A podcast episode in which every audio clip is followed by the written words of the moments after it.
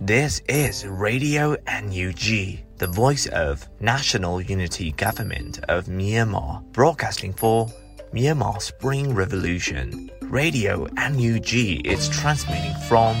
shortwave 16 meter 17.79 megahertz at 8:30 a.m. and 25 meter 11.94 megahertz at 8:30 p.m. Myanmar Standard Time. မင်္ဂလာပါခင်ဗျာ အမျိုးသားညီညွတ်ရေးအစိုးရရဲ့အတန်လွင့်ဌာန Radio NUG ကိုမနက်ပိုင်း၈နာရီခွဲမှာလိုင်းတို16မီတာ7.3 MHz ညပိုင်း၈နာရီခွဲမှာလိုင်းတို25မီတာ17.6 MHz တို့မှာဓာတ်ရိုက်ဖမ်းယူနားဆင်နိုင်ပါပြီမင်္ဂလာအပေါင်းနဲ့ပြည့်စုံကြပါစေအခုချိန်ကစပြီး Radio NUG အစီအစဉ်တွေကိုဓာတ်ရိုက်အတန်လွှင့်ပေးနေပါပြီ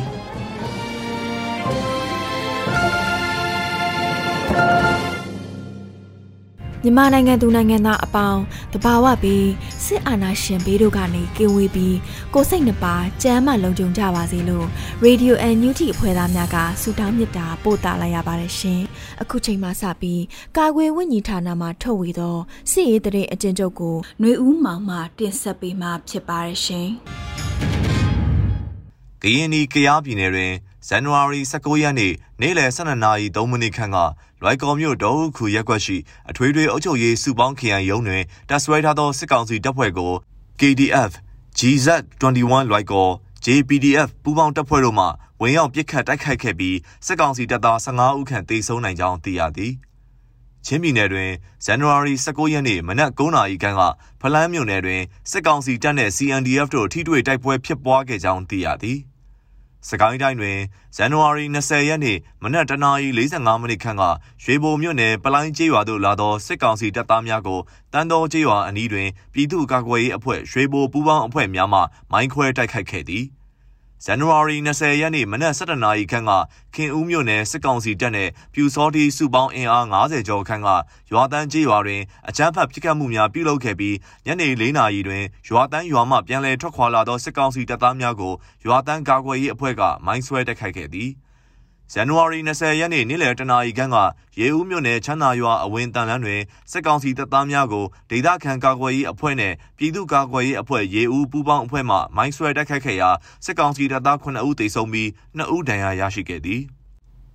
ဇန်နဝါရီ19ရက်နေ့ညနေ4နာရီခန့်ကထီချိုင်မြို့နယ်ကိုးတဲရွာနဲ့ကန်းနီရွာကြားကျွန်းကုန်းလေးပေါ်တွင်စစ်ကောင်စီအင်အား90ဦးခန့်ကိုပြည်သူ့ကာကွယ်ရေးတပ်ပေါင်းစုကတိုက်ခိုက်ခဲ့ရာစစ်ကောင်စီတပ်သား10ဦးသေဆုံးခဲ့သည် ဇန်နဝါရီ18ရက်နေ့ည8နာရီခန့်ကကောလင်းမြို့နယ်အုတ်ကန်တိုက်နယ်ထိန်အင်းရွာဝန်းကျင်တွင်စစ်ကြောင်းထိုးလာသောစစ်ကောင်စီအင်အား135ဦးခန့်ကိုပြည်သူ့ကာကွယ်ရေးတပ်မတော်ကတိုက်ခိုက်ခဲ့သည်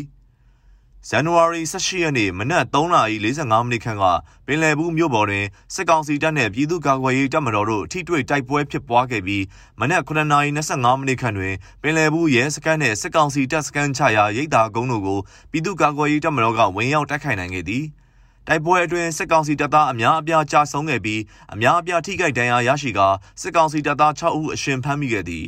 စစ်ကောင်စီတပ်သားများထံမှလက်နက်ခဲယမ်းအချို့တင်ဆက်ရမိခဲ့ပြီးပြည်သူ့ကာကွယ်ရေးတပ်သားတအူးကြာဆုံးက10ဦးဒဏ်ရာရမစိုးရိမ်ရကြောင်းသိရပါသည်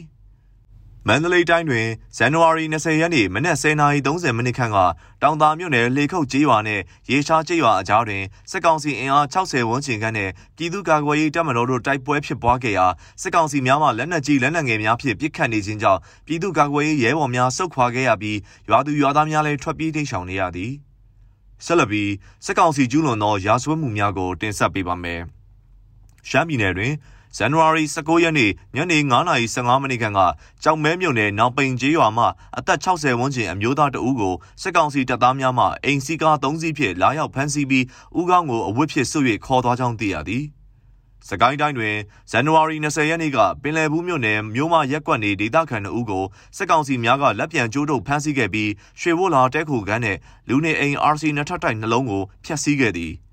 ဇန်နဝါရီ19ရက်နေ့ကထီချိုင်မြို့နယ်တွင်နီဂယ်စက်ရုံအလုပ်သမားခေါင်းဆောင်3ဦးကိုစစ်ကောင်စီတပ်ကလာရောက်ဖမ်းဆီးသွားခဲ့သည်။မကွေးတိုင်းတွင်ဇန်နဝါရီ20ရက်နေ့နေ့လယ်3:10မိနစ်ခန့်ကပေါ့မြို့နယ်လဲရရွာတွင်စစ်ကောင်စီတပ်သားများကပြည်သူပိုင်းနေအိမ်များကိုမီးရှို့နေကြောင်းသိရသည် ဇန်နဝါရီ18ရက်နေ့ကကံကောမြို့နယ်စမ်းမြို့ရွာတွင်အင်ချေစုစုပေါင်း192လုံးရှိသည့်အနက်စစ်ကောင်စီတပ်သားများကပထမအကြိမ်မီးရှို့ရာတွင်အင်ချေ32လုံးမီးရှို့ခံရပြီး28လုံးပြာကျခဲ့သည်ဒုတိယအကြိမ်မီးရှို့ရာတွင်အင်ချေ132လုံးပြာကျခဲ့ပြီးလက်ရှိတွင်အင်ချေ32လုံးသာကျန်ရှိခဲ့သည် မန္တလေးတိုင်းတွင်ဇန်နဝါရီ19ရက်နေ့ည9:00နာရီခန့်ကအောင်မြေသာဆန်မြို့နယ်မန္တလေးတောင်ချေအနီးဘုံတော်တိုးရက်ကွက်မြို့ပတ်လမ်းပေါ်အမှတ်930စစ်မြေပြင်အင်ဂျင်နီယာတရင်အမှတ်1အနီးရှိတပ်စခန်းအတွင်းဂိတ်ဆောင်တာဝန်ကျနေသောစစ်ကောင်စီတပ်သားများကဖြတ်တန်းသွားလာနေသောဒေသခံများကိုပြစ်ခတ်ခဲ့ရာအသက်65နှစ်ကျော်အရွယ်အမျိုးသားတဦးခြေထောက်တနက်မှန်ဒဏ်ရာတစ်ချက်ရရှိခဲ့ပြီးအလုံးမပြန်လာသောပသိမ်ကြီးမြို့နယ်နေအသက်30ကျော်ရွယ်အမျိုးသမီးတဦးစီးခုံနှင့်တနက်ထိမှန်ဒဏ်ရာရရှိခဲ့ကြောင်းသိရသည်။ ဇန်နဝါရီ19ရက်နေ့ကငင်းချံမြို့နယ်ရှိအမှတ်9ရက်ကွက်နေဂျူဂျူးအထက်ဆိုင်ပိုင်ရှင်နာရေးကူညီမှုအသင်းဒုတိယဥက္ကဋ္ဌဖြစ်သူဦးတန်းစိုးအားစစ်ကောင်စီတပ်သားများမှဖမ်းဆီးခေါ်ဆောင်သွားခဲ့သည်ဇန်နဝါရီ19ရက်နေ့ည10:00နာရီခန့်က NLD ပါတီငန်းစုံမြို့နယ်အမှတ်နှစ်တိုင်းလွတ်တော်ကိုယ်စားလှယ်ဦးကျော်စိုးနိုင်နဲ့စကိုင်းမြို့နယ်ရွာသစ်ကြီးရွာမတောင့်တရက်ကွက်ရှိဦးထေးလွင်တို့အားစစ်ကောင်စီများကနေအိမ်တွင်ကားနှစ်စီးဖြင့်ဝင်ရောက်ပိတ်ဆို့ကာဖမ်းဆီးခဲ့သည်မှတ်ချက် ရေပြင်သတင်းတာဝန်ခံများနဲ့သတင်းဌာနများမှဖော်ပြလာသောအချက်အလက်များအပေါ်အခြေခံပြုစုထားပါသည်ကျွန်တော်ကတော့ຫນွေဦးမောင်ပါ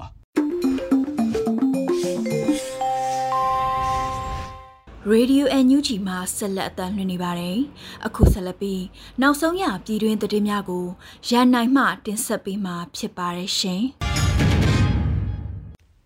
မင်္ဂလာပါခင်ဗျာ။ခုချိန်အစပြီးရေဒီယို NUG မနက်ခင်းသတင်းတွေကိုဖတ်ကြားတင်ပြပေးပါရမယ်ခင်ဗျာ။ အခုတင်ပြပေးမယ့်သတင်းတွေကတော့ Radio NUG သတင်းတာဝန်ခံတွေနဲ့ခိုင်လုံတဲ့မိဘသတင်းရင်းမြစ်တွေကအခြေခံထားတာပဲဖြစ်ပါတယ်ကျွန်တော်ကတော့ရန်နိုင်ပါနိုင်ငံတကာတရားရုံး ICJ မှာမြန်မာနိုင်ငံအစိုးရကိုစားပြုအနေနဲ့ကုလသမဂ္ဂတမတ်ကြီးဦးကျော်မိုးထွန်းဦးဆောင်ပြီးအမျိုးသားညီညွတ်ရေးအစိုးရဖွဲ့ကိုစားရင်ဆိုင်ဖြည့်ရှင်းမယ်လို့သိရှိရပါတယ်။ဂမ်ဘီယာနိုင်ငံကမြန်မာနိုင်ငံအပေါ်ရိုဟင်ဂျာတွေကို လူမျိုးတုံးတပ်ဖြတ်မှုဆွဆွဲချက်နဲ့နယ်သာလန်နိုင်ငံ The Hague မြို့ကနိုင်ငံတကာတရားရုံး ICJ မှာတရားစွဲဆိုထားတဲ့အမှုကိုဖေဖော်ဝါရီလ22ရက်နေ့ကနေ28ရက်နေ့ထိဒုတိယကြိမ်ကြားနာစစ်ဆေးမှာဖြစ်ပါတယ်။ပထမကြိမ်ကြားနာစစ်ဆေးခဲ့ချိန်ကမြန်မာနိုင်ငံအစိုးရကိုစားနိုင်ငံတော်ရဲ့အတိုင်ပင်ခံပုဂ္ဂိုလ်ဒေါ်ဆန်းစုကြည်ကဥဆောင်ခုခံခြေပခဲ့ပြီးဒုတိယကြိမ်ကြားနာစစ်ဆေးမှုမှာတော့အမျိုးသားညီညွတ်ရေးအစိုးရဖွဲ့က ကုလသမဂ္ဂဆိုင်ရာတမ္မတ်ကြီးဦးကျော်မိုးထွန်းကဥဆောင်ဖြည့်ရှင်ဖို့ ICJ တရားရုံးကို စာရေးသားပေးပို့ထားပြီးဖြစ်ကြောင်းနိုင်ငံခြားရေးဝန်ကြီးဒေါ်စင်မအောင်ကပြောဆိုလိုက်ပါတယ်။ ICJ နဲ့ပတ်သက်တဲ့ပေးပို့ရမယ့် report တွေကိုလည်းအမျိုးသားညီညွတ်ရေးအစိုးရကပေးပို့ခဲ့ကြောင်းတမ္မတ်ကြီးဦးကျော်မိုးထွန်းကရခင်ဒေါအောင်ဆန်းစုကြည်အစိုးရတွားရောက်ရင်ဆိုင်စဉ်ကတည်းက ICJ မှာ alternate agent ဆိုပြီးဒေါအောင်ဆန်းစုကြည်မသွားနိုင်တဲ့အချိန်မျိုးမှာ ကိုစားသွားနိုင်အောင် တင်ပြထားပြီးသားဖြစ်ကြောင်း ဝန်ကြီးက DVB သတင်းဌာနကို ပြောကြားခဲ့ပါတယ်။ ICJ ဟာ UN ရဲ့ အစိတ်ပိုင်းတစ်ခုအနေနဲ့ သွားရတာဖြစ်တဲ့အတွက်ကြောင့် နိုင်ငံကို ကိုစားပြုနေတာဆိုလို့ ဦးကျော်မိုးထွန်းတယောက်ဖဲရှိတာကိုညင်းဆိုလို့မရကြောင်း ဦးကျော်မိုးထွန်းဟာ alternate agent လည်းဖြစ်တယ်လို့လက်ရှိ ကုလသမဂ္ဂထရီညီလာခံရဲ့ ဆုံးဖြတ်ချက်အရ မြန်မာနိုင်ငံကို တရားဝင် ကိုစားပြုနေတဲ့ဒူရီတော်တန်တမန်လည်း ဖြစ်ပါတယ်။ကုလသမဂ္ဂမှာလည်း ကိုစားပြုခွင့်မရတဲ့အတိမတ်လည်းပြုမထားသေးတဲ့စစ်ကောင်းဆောင်တွေကိုဖိတ်ကြားမယ်ဆိုရင် ICJ ကိုယ်တိုင်ကကုလသမဂ္ဂဒရညီလာခံမှာရောကိုစားပြုကော်မတီမှာရောဆုံးဖြတ်ချက်ချထားတဲ့ကိစ္စတွေနဲ့စန့်ကျင်ဘက်ဖြစ်မှာဖြစ်ပြီးမလိုက်နာသလိုဖြစ်သွားမှာဖြစ်ကြောင်းတို့ကို ICJC စာရေးသားပေးပို့ထားတယ်လို့အမျိုးသားညီညွတ်ရေးအစိုးရနိုင်ငံခြားရေးဝန်ကြီးဒေါ်စင်မအောင်က DVB ကိုပြောကြားခဲ့ပါတယ်ခင်ဗျာဆက်လက်ပြီးအမျိုးသားညီညွတ်ရေးအစိုးရ ပညာရေးဝန်ကြီးဌာနက ICT ပညာရပ်တွေ learning technology tools တွေအကြောင်းသင်ကြားမယ့်အကြောင်းကိုလည်းတင်ဆက်ပေးပါဦးမယ်။တော်လိုင်းကာလမှာလေးလာစရာအဖြစ်ပညာရေးဝန်ထမ်း CDM ဆရာဆရာမများနဲ့ကျောင်းသူကျောင်းသားများဤပညာပိုင်းစွမ်းရည်မြင့်တက်လာစေဖို့တည်သင့်တက်အပ်တဲ့အခြေခံ ICT ပညာရပ်တွေ learning technology tools တွေအကြောင်း lesson video တွေ39ခုစီစဉ်ထားတယ်လို့အမျိုးသားညီညွတ်ရေးအစိုးရပညာရေးဝန်ကြီးဌာနဒုတိယဝန်ကြီးဒေါ်ဂျာထရပန်က လူမှုကွန်ရက်မှာတင်ပြအသိပေးလိုက်ပါတယ်။မကြခင်မှာမြန်မာ Business Education Home လူမှုကွန်ရက်စာမျက်နှာကနေထုတ်လွှင့်ပေးမယ်လို့သိရှိရပါတယ်။အဒါပြင် offline အနေနဲ့လည်းရရှိအောင်စီစဉ်နေတယ်လို့လည်းသိရပါတယ်။အမျိုးသားညီညွတ်ရေးအစိုးရဂျာကာလာပညာရေးအစီအစဉ်အနေနဲ့အခြေခံပညာရေးဆိုင်ရာရင်းမြစ်တွေကို Myanmar Business Education Home Social Media Channel 9ခုကနေထုတ်လွှင့်နေပါတယ်။ ICT ပညာရပ်တွေသင်ကြားရခြင်းရဲ့ရည်ရွယ်ချက်တွေကတော့ Information and Communication Technology ICT အကြောင်းကိုသိရှိအသုံးချနိုင်စေရန်အခြေခံကျတဲ့ Digital နည်းပညာများကိုတက်မြောက်အသုံးချနိုင်စေရန်ကလေးများကိုကွန်ပျူတာသိပ္ပံပညာကိုမိတ်ဆက်သင်ကြားပေးနိုင်ရန်နဲ့ Digital နည်းပညာများကိုအသုံးပြုပြီးထိရောက်စွာသင်ကြားနိုင်စေရန်တို့ပဲဖြစ်ပါတယ်။ပြီးခဲ့တဲ့2021ခုနှစ်မေလကနေစပြီးဗီဒီယိုလက်ဆင်တွေကိုစတင်ပြင်ဆင်ထုတ်လွှင့်နေခဲ့တာဟာအခုချိန်ထိဆိုရင်3000ကျော်ကိုထုတ်လွှင့်ပြီးလည်းဖြစ်ပါတယ်။ အတန်းအားလုံးအတွက်ဘာသာရဲ့အားလုံးထုတ်လွှင့်ပြီးစီဖို့အနှဲငယ်ပဲလူပါတော့ကြောင်းအားလုံးပြီးရင် offline ပေးပို့နိုင်မှုအတွက်ကိုလည်းစီစဉ်ဆောင်ရွက်နေပြီဖြစ်ကြောင်းသိရှိရပါတယ်ခင်ဗျာချင်းပြည်နယ်တခွင်ကစစ်ကောင်စီတပ်ဖွဲ့များအကြမ်းဖက်မှုများနဲ့ပတ်သက်ပြီးအမျိုးသားညီညွတ်ရေးအစိုးရလူခွင့်ရေးဆိုင်ရာဝန်ကြီးဌာနမှဦးစီးပြီးတော့သတင်းစာရှင်းလင်းပွဲတရက်ကိုဇန်နဝါရီလ20ရက်နေ့မှာ Zoom meeting ဖြင့်ကျင်းပပြုလုပ်ခဲ့ကြပါတယ်။အဲ့ဒီသတင်းစာရှင်းလင်းပွဲကတော့ ဇန်နဝါရီလအတွင်းမှာမဒူဘီမြို့နယ်မှာဖြစ်ခဲ့တဲ့အပြစ်မဲ့အရသာ၁၀ဦးကိုစစ်ကောင်စီကတပ်ဖြတ်ခဲ့တဲ့အကြောင်းအရာထန်တလန်မြို့ကိုမိရှုဖျက်ဆီးခဲ့တဲ့အကြောင်းအရာနဲ့ချင်းပြည်နယ်တခွင်လုံးမှာစစ်အင်အားများတိုးချဲ့ပြီးတော့လူခွင့်ရများချိုးဖောက်မှုများကိုအခြေခံတင်ပြမေးမြန်းရှင်းလင်းခဲ့ကြတာပဲဖြစ်ပါတယ်။စစ်ကောင်စီကလူသတ်မှုတွေကိုတပ်တွေရုပ်လောင်းများကောက်ယူရမှာကိုယ်တိုင်ပါဝင်ကြုံတွေ့ခဲ့ရသူများကျူးလွန်ခံရတဲ့မိသားစုဝင်များကနေပြီးတော့ဒီသတင်းစာရှင်းလင်းပွဲမှာပါဝင်ပြီး ရှင်းလင်းတင်ပြသွားခဲ့တာလည်းဖြစ်ပါတယ်။သတင်းစာရှင်းလင်းပွဲရဲ့ရည်ရွယ်ချက်ကတော့စစ်အာဏာသိမ်းပြီးတဲ့နောက်မှာနိုင်ငံတော်ဝန်ကိုစစ်အင်အားတိုးချဲ့ပြီးဖမ်းဆီးတပ်ဖြတ်မှုတွေကျူးလွန်လာပါတယ်။မြို့လုံးကျွတ်မိရှုဖျက်ဆီးမှုတွေကျူးလွန်ပါတယ်။နောက်ဆုံးမတူပီဖြစ်စဉ်ကိုအခြေတီးပြီးတော့ချင်းပြည်နယ်တွင်လုံးမှာပေါ်ပေါက်ခဲ့တဲ့စစ်ရာဇဝတ်မှုများကိုတင်ပြပြီးနိုင်ငံတကာကိုအသိပေးဖို့မီဒီယာများကိုသတင်းမှန်များပေးဖို့အခုလိုပြုလုပ်ရခြင်းဖြစ်ကြောင်းသိရှိရပါတယ်။ အစီအစဉ်က၄ရက်ပါဝင်ပြီး၁တပ်သေးထွက်ဆိုမဲ့လူ၄ဦးကရှင်းလင်းတင်ပြခြင်း၂အခုလိုအကြမ်းဖက်မှုတွေကိုနိုင်ငံတကာအတိုင်းဝိုင်းဘက်ကအရေးယူဆောင်ရွက်ပေးဖို့ကြိုးစားနေမှုချင်းတွေကိုလူခွင့်ရေးဆိုင်ရာဝန်ကြီးဌာနပြည်ထောင်စုဝန်ကြီးဦးအောင်မျိုးမင်းကရှင်းလင်းတင်ပြခြင်း၃နိုင်ငံတကာနဲ့ပူးပေါင်းဆောင်ရွက်မဲ့အခြေအနေများကိုအပြည်ပြည်ဆိုင်ရာပူးပေါင်းဆောင်ရွက်ဝန်ကြီးဌာနပြည်ထောင်စုဝန်ကြီးဒေါက်တာဆဆာကရှင်းလင်းပြောကြားခြင်း၄ တက်ရောက်လာတဲ့သတင်းမီဒီယာများမှဖြစ်စဉ်နဲ့ပတ်သက်ပြီးမေးခွန်းများမေးမြန်းပြီးတာဝန်ရှိသူများကပြန်လည်ဖြေကြားခြင်းများကိုပြုလုပ်ခဲ့ကြပါတယ်ခင်ဗျာစစ်ကောင်စီကိုထောက်ခံဖို့ဖိအားပေးတဲ့အနေနဲ့မကွေးတိုင်းကရွာတွေကိုမိရှုတဲ့တရင်ကိုလည်းတင်ဆက်ပေးပါောင်းမယ်။မကွေးတိုင်းကံကောခရိုင်စမ်းမြို့ရွာကိုအကြမ်းဖက်အာဏာသိမ်းတပ်တွေက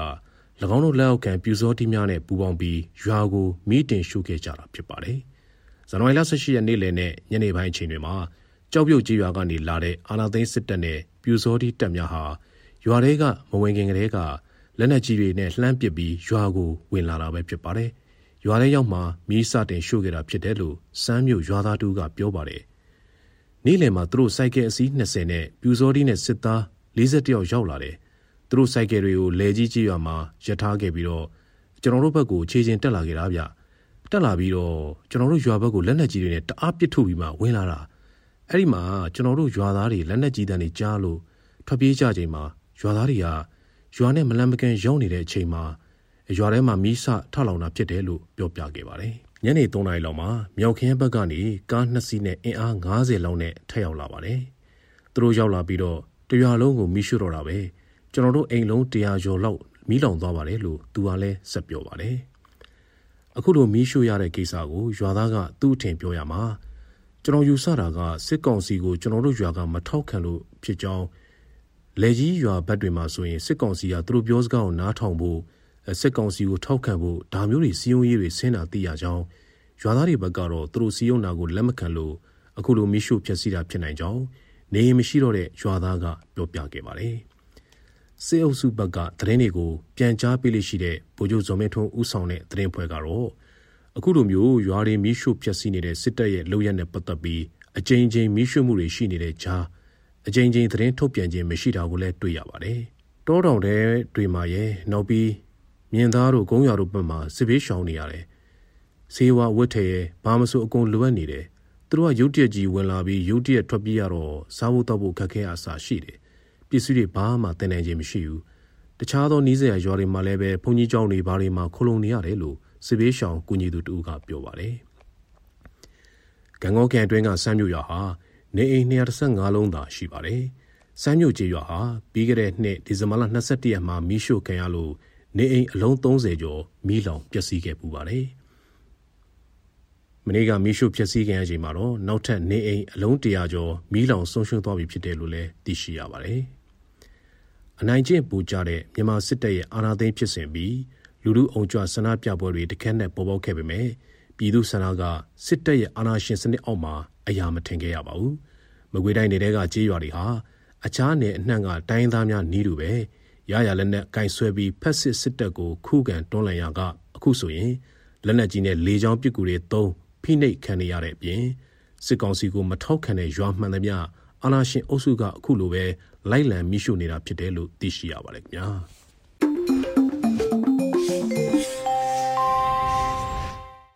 ရေဒီယိုအန်ယူဂျီမှာဆက်လက်အသံလွှင့်နေပါတယ်။အခုဆက်လက်ပြီးပြည်သူခုခံတော်လန်စစ်တရင်များကိုຫນွေဦးလင်းအိမ်မှတင်ဆက်ပေးမှာဖြစ်ပါရရှင်။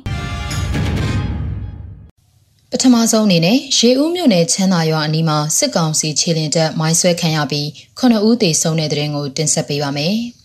စကိုင်းတိုင်းရေဦးမြို့အနောက်ဘက်တမိုင်အကွာမှာရှိတဲ့ချမ်းသာရွာမြစ်ရထားတန်လန်အနီးမှာ အင်အား40ကျော်ပါစစ်ကောင်စီခြေလင်တပ်ကိုပရိသာမိုင်း၃လုံးဖောက်ခွဲတိုက်ခိုက်ခဲ့ကြောင်းရေဦးမြို့နယ်အခြေဆိုင်ဒေသကာကွယ်ရေးတပ်ဝေဟင်စွန်ရဲ့အဖွဲ့ကတာဝန်ရှိသူကပြောပါရယ်အဆိုပါပြူစောထင်းတဲ့စစ်ကောင်စီပူပေါင်းခြေလင်တပ်ဟာရေဦးမြို့နယ်ကုန်းတန်းကျေးရွာကထွက်လာပြီးချမ်းသာရွာအရောက်ယနေ့ဇန်နဝါရီလ20ရက်နေ့လယ်တနာရီခန့်မှာတိုက်ခိုက်ခံရခြင်းဖြစ်ကခုနှစ်ဦးထပ်မံတေဆုံးပြီးထိခိုက်ဒဏ်ရာရရှိသူများပြားကြောင်းဆိုပါရယ်။ စခစစ်ကောင်စီတပ်နဲ့ပြည်တွေကတန်လန်းတိုင်းတက်လာတာကျွန်တော်တို့ကကြိုတင်ပြင်ဆင်ပြီးစောင့်နေတာကျွန်တော်တို့ပွိုင်နာရောက်လာတော့ခွဲချလိုက်တာခုနှစ်ကောင်ကတော့လဲကျသွားတာတွေ့ရတယ်ခင်ဗျထိခိုက်ဒဏ်ရာရတဲ့သူတွေလည်းများတယ်လို့ဝင်းဟင်စွန်ရဲ့အဖွဲ့တာဝန်ရှိသူကမစ္စည်းမာကိုပြောပါတယ်မိုင်းဆွဲတိုက်ခိုက်ခံရပြီးတဲ့နောက်စစ်ကောင်စီတပ်များကရန်တမ်းပစ်ခတ်ကတေဆုံးသူများအားနေရာမှာပဲထားခဲ့ပြီးမယိုးကုန်းရွာဘက်သို့ဆက်လက်ထွက်ခွာနေတယ်လို့ပြောပါတယ်။ စစ်ကောင်စီတပ်များဝင်ရောက်လာခြင်းကြောင့်ရေဦးမြို့အနောက်ဘက်မှာရှိတဲ့ချမ်းသာရွာရွာတစ်ရွာကုန်းတာရွာနဲ့မယိုးကုန်းရွာများမှာဒေသခံတထောင်ကျော်ထွက်ပြေးတိမ်းရှောင်နေရကြောင်းသိရှိရပါတယ်။စကိုင်းတိုင်းအတွင်းစစ်ကောင်စီတပ်များနေရာအနှံ့ဖြန့်ခွဲကစစ်ကြောင်းထိုးနေပြီးဒေသခံကာကွယ်ရေးတပ်များကထိတ်တိုက်တိုက်ခိုက်ခြင်းမရှိဘဲမိုင်းဖောက်ခွဲကပျောက်ကြားတိုက်ခိုက်နေကြောင်းဝေဟင်စွန်ရဲ့အဖွဲ့တာဝန်ရှိသူကပြောပါရယ်။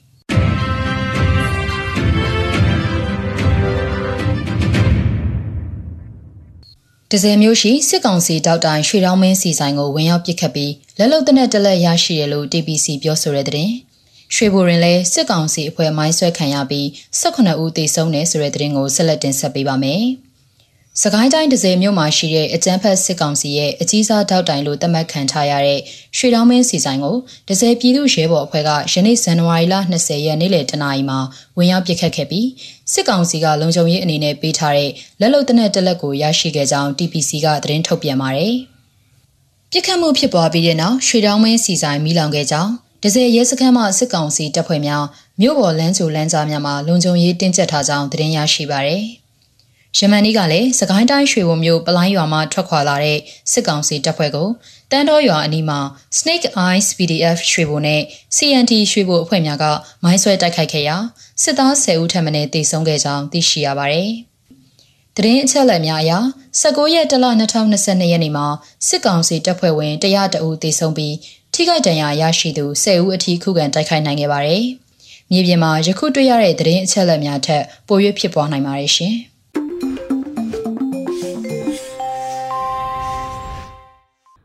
ရေဒီယို NUG မှာဆက်လက်အသံလွှင့်နေပါတယ်။အခုဆက်လက်ပြီးနေ့စဉ်သတင်းများကို မျိုးတော်တာမှ တင်ဆက်ပေးမှာဖြစ်ပါတယ်ရှင်။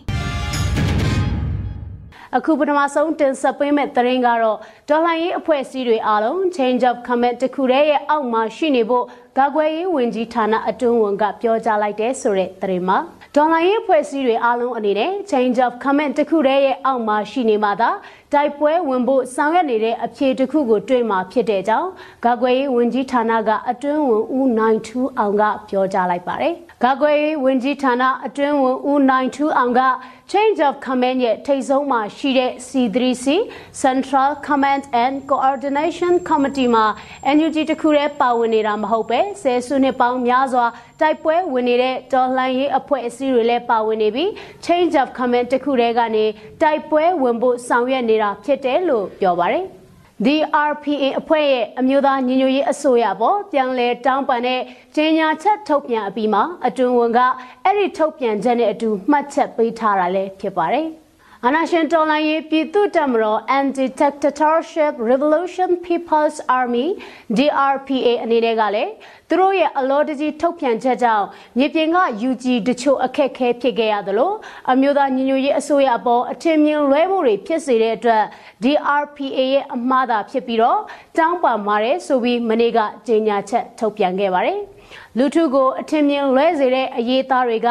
DRPA ရဲ့ဗဟိုကော်မတီဝင်အချို့ရဲ့ကိုပိုင်အကောင့်တွေကနေသတင်းတိကျမှုမရှိဘဲရေးသားခဲ့ခြင်းသာဖြစ်တယ်လို့ဖော်ပြထားပါတယ်။ဒေါ်လာရေးအောင်မြင်ဖို့အတွက်ပိုကောင်းတဲ့စူးစီးမှုကိုမဖြစ်မနေတိဆောက်ရမှာဖြစ်တယ်လို့အဲ့ဒီတော့လဲပို့ပြီးတော့စီလုံးစွာ နားလည်စွာနဲ့လက်တွဲသွားကြရမှာလို့အတွင်းဝင်92အောင်ကပြောပါတယ်။ ဒေသခံပြည်သူ့ကာကွယ်ရေးတပ်ဖွဲ့တွေအားလုံးကိုလည်းအမျိုးသားညီညွတ်ရေးအစိုးရနဲ့ချိတ်ဆက်ဆက်သွယ်ဖို့အရေးလဲပြောကြားထားသလိုဒါဟာတော်လှန်ရေးအောင်ဖို့အတွက်မဖြစ်မနေလိုအပ်တဲ့ကိစ္စလို့လည်းပြောထားပါတယ်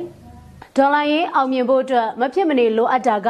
change of command ဖြစ်ပြီးတော့ခိုင်မာတဲ့ change of command မရှိဘူးဆိုရင်တော့ပျောက်ကြားစစ်အနေထားမှာရှိနေအောင်မှာဖြစ်ပြီးနေမြေသိမ်းနိုင်ဖို့အဆင့်ကိုမရောက်နိုင်သေးဘူးလို့ဆိုပါတယ်။လက်နဲ့တက်ဆင်ပေးရင်အနိုင်ရပြီလို့ပြောနေကြပေမဲ့လည်းလက်နဲ့တစ်ခုတည်းရှိပြီး change of command မရှိရင်လည်းတိုက်ပွဲအောင်နိုင်ဖို့မဖြစ်နိုင်ဘူးလို့ကာကွယ်ရေးဝန်ကြီးဌာနအတွင်းဝန်ဦးနိုင်ထူအောင်ကသုံးသပ်ပြထားပါတယ်။အခုတင်ဆက်ပေးမဲ့သတင်းကတော့အကြမ်းဖက်စစ်ကောင်စီကပြည်သူတွေကိုတပ်ဖို့အတွက်လက်လက်နက်ဝယ်ယူတဲ့အခါမှာအသုံးပြုဖို့ဝန်ငွေတွေရနေတဲ့ MOGE ကိုပိတ်ဆို့အရေးယူဖို့အတွက် online မှာ campaign ပြုလုပ်နေကြပါတယ်။ ဥရောပသမဂ္ဂ EU နိုင်ငံခြားရေးဝန်ကြီးတွေကဇန်နဝါရီ24ရက်မှာတွေ့ဆုံဖို့ရှိတဲ့အတွက်အဲ့ဒီအစည်းအဝေးကိုဦးတည်ပြီးတော့ PR ပေးရည်ရွယ်ပြီးလှုပ်ဆောင်တာဖြစ်တဲ့ဆိုတာနဲ့ဆန္ဒပြကမ်ပိန်းမှာတော်လှန်လူထုနဲ့အဖွဲ့အစည်းအသီးသီးတို့ပါဝင်ပေးကြဖို့အတွက်လဲ Sanction MOGE ကမ်ပိန်းလှုပ်ဆောင်နေသူတွေကတိုက်တွန်းထားတာတွေ့ရပါတယ်။ကမ်ပိန်းဥဆောင်လှုပ်ရှားသူတွေကတော့ အကြမ်းဖက်စစ်တပ်ရဲ့ရာဇဝတ်မှုတွေလူအခွင့်အရေးချိုးဖောက်မှုတွေနဲ့လူသားမျိုးနွယ်စုအပေါ်ကျူးလွန်တဲ့ရာဇဝတ်မှုတွေရန်တပ်နိုင်ဖို့အတွက်၎င်းတို့အုပ်စုရဲ့ဒေါ်လာတွန်းတဲ့ MOGE ကိုပိတ်ဆို့အရေးယူမှုတွေအမြန်ဆုံးလှုပ်ဆောင်ကြဖို့မြန်မာပြည်သူလူထုအနေနဲ့ဝိုင်းဝန်းတောင်းဆိုကြဖို့အတွက်21ရက်နေ့ကနေ24ရက်နေ့အထိပြုလုပ်တဲ့ Section MOGE Social Media Campaign မှာ Democracy အင်အားစုတွေနဲ့ပြည်သူလူထုအလုံးကိုပါဝင်ပေးကြဖို့ဖိတ်ခေါ်ပါတယ်ဆိုပြီးရေးသားထားပါတယ်။ကမ်ပိန်းမှာပါဝင်ပြီးလှုပ်ဆောင်ရမှာတွေကတော့တောင်းဆိုချက်စာသားတွေကိုစာရွက်ပေါ်မှာရေးပြီးလက်သုံးချောင်းတင်ဂေတာနဲ့မိမိလူမှုကွန်ရက်အကောင့် Facebook Twitter မှာတပ်ပုံတင်ရမှာပါ။ အင်ဂျီအဖြူအမဲသွေးစွန်းနေတဲ့အင်ဂျီပုံစံဝတ်ဆင်နိုင်ပါတယ်လက်အိတ်အနီလက်ပတ်စီအနီအောင်ရေဆေးအနီအောင်မှုတ်ဖြင့်လက်တွင်လိန်ချင်းစားတဲ့မိမိအစဉ်ပြေမဲ့နီလန်းများသုံး၍တပ်ပုံရိုက်ကူးနိုင်ပါတယ် အသေးစိတ်အချက်လက်တွေကို www.facebook.com/bloodmoneycampaignmm/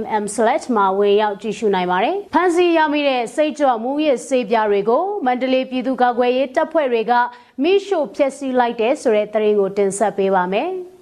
ပြည်ဦးလိုမြို့နယ်အတွင်းမှာမူရည်စေဝါဖြန့်ဖြူးရောင်းချနေတဲ့နှစ်ဦးကိုမန္တလေးပြည်သူ့ကာကွယ်ရေးတပ်ဖွဲ့တွေကဖမ်းဆီးခဲ့ပြီး WY စာတန်းပါစိတ်ကြွမူရည်စေပြား2500ကိုမိရှို့ဖျက်ဆီးခဲ့ပါတယ်။မန္တလေးပြည်သူ့ကာကွယ်ရေးတပ်မတော်ကတော့မူရစ်စေဝါရောင်းဝယ်သူတွေမှောင်ခိုလုပ်ငန်းလုပ်ကင်ဆောင်ရွက်နေတဲ့သူတွေကိုဖမ်းဆီးပြီးထိုက်တဲ့ပြစ်ဒဏ်တွေချမှတ်တာမျိုးလှုပ်ဆောင်သွားမယ်လို့လည်းသတင်းထုတ်ပြန်ချက်မှာဖော်ပြထားတာတွေ့ရပါတယ်။ကျေးဇူးတင်ပါတယ်ရှင်။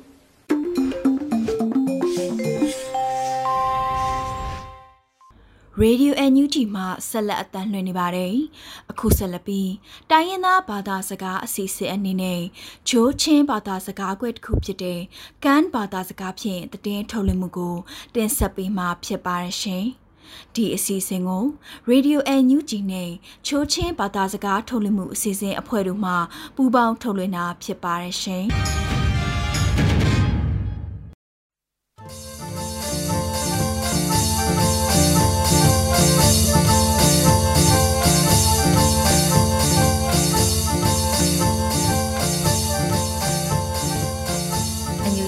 รกังเรดิโอนำไงปึงปุยปอสักครั้งตูอวันนำไรเบอร์ทีละกูดกันตูก็คือตุงอ้อยอ้อยทางการเทนดูกค่ะกิเลนสาละกะไกรมินดัดรัมแต่งในอำพัดติดคอซาละไม่อมปุงเอปีนำตูเซฟทีมไซนักไรนักบอมอุปงเงินเซบอมนักตูเปลกือအခါစောစေဘ ோம் นักเปอุปงตุค่ะปีน้ำใจนักไรนักเปอุปงเอเสียอปุเมตุยเต็งลำนึนักออน CDM ตุเอบอมนักลักกะคือไรอัมตุหอกออนดองดังอุปงเอ สนาตุยน้อยตุยหำละจังนักไรนักหุมันนักเอทุตึกนักพีตาวินข้อคุยจิมใจนักพีบิวคือเฮาพีจังนักไรนักบอมถูปึงตุเกมีตุเอ็นกำเต็นคำเฮกดีละมครังตุนเตกุกခဆောလာကရနာကေဒေါငါရမ်အဖေဖေလမေအမဘုံပက်တက်လူဘုံဖီကမ်ဒိုခရာဟေကတိလာတကုကမင်တရမ်ခွေအမဘုံငေရှုကိတူင်ဟုမတ်နာမာငေတန်ပန်းဥပငတူအွန်ခဆာရာအွန်ထုံကိပအန်ပရုကေခွေဂရောင်စာတူချောက်ထောင်း280နှစ်ယောက်ခဟုမတ်နာထိန်ဟင်ငေလာဘီဘီကူဝေါ်ရောင်စူတင်တွေစီရီယက်မင်ဒတ်တွေဟမ်လာအမေရိက န်လမေအမုပငေဖိနာကိနာတွင်တော်လာ6တောင်းတထောင်လေယာပဲဥကတိလာအိုင်ထန်လာအယာက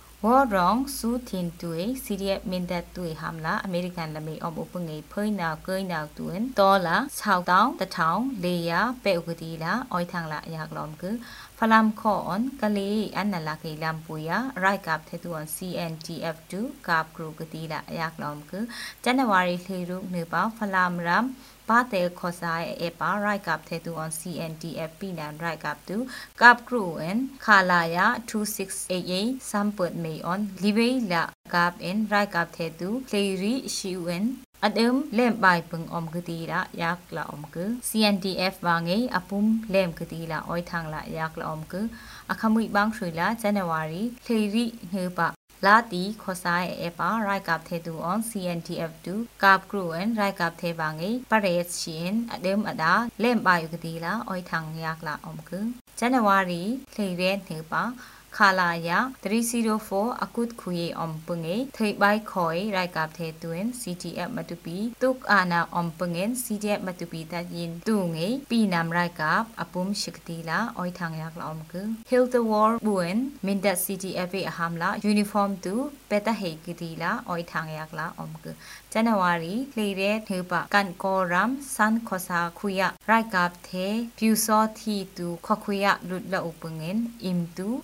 คุมคีอุกตีลาการกอ Youth Voice in the ก January นินกอ on Playret คุยะครบขอสูตุงรามะนือพระสูตุง CTF on ไรกับเทตุอนุยนอกลากับครูเอ็นไรกับเท Playret ชีเอ็นสูตุง CTF อปุมชิปเงินปัญหิเลมกตีลา အိုထางยักละอมกึญาวดีดิสทริกโวเลรามาครางทองออนปังอาอัมงอนนาเกอมองมากะยิน KNTOA อภัยสาปုံมูฉุดอเนลตามญาออนดูโปซอปาวาปันหิอัญญาถวยกาเน KNUN ดิมสักนาเกสาเปรอกึ KNUA EC Committee Advice to in Akhasoy sa Ampekla Kraku Ramdang Oithang International Court of Justice ICJ ရ right up တဲ့သူခနိစင်ခရမစ်မငေလာငွန်လူကတိလာတရားအမ်ဇွိုင်နာခ February နှုทองออนทึบเอดาทูพรึกอวยโรเฮนจาปักคุยตูมิดเมืองอวยละไรกับเทตุนงอนเฮอุกติละตยาอัมจอยนาค่ะ February နှပ်ထောင်အွန်နှပ်အတေကာနင်နှပ်ထောင်အွ န်ပရက်နှပ်ရှိလာနေဒလန်တဟိတ်ခွာဦးကျော်မိုးထိုးနင်ထူဖရကေနီတီလာအန်ယူဂျီအဆိုယာအအဝိုင်းစတူင်တက်ဥကအန်ယူဂျီကောင်ရေဒီယိုနမ်ငါယပင်ပိပေါ်ကိုင်းနောက်တူအဝန်ရိုင်းနောနံပါတ်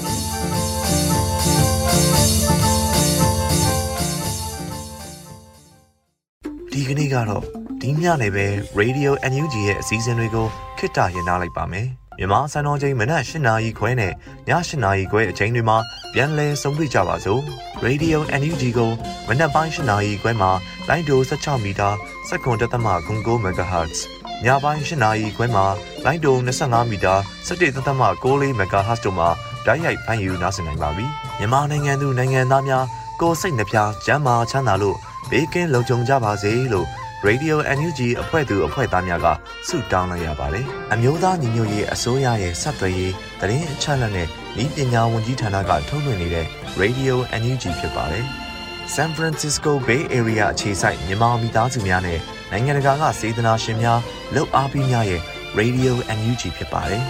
။အရေးတော်ပုံအောင်ရမည်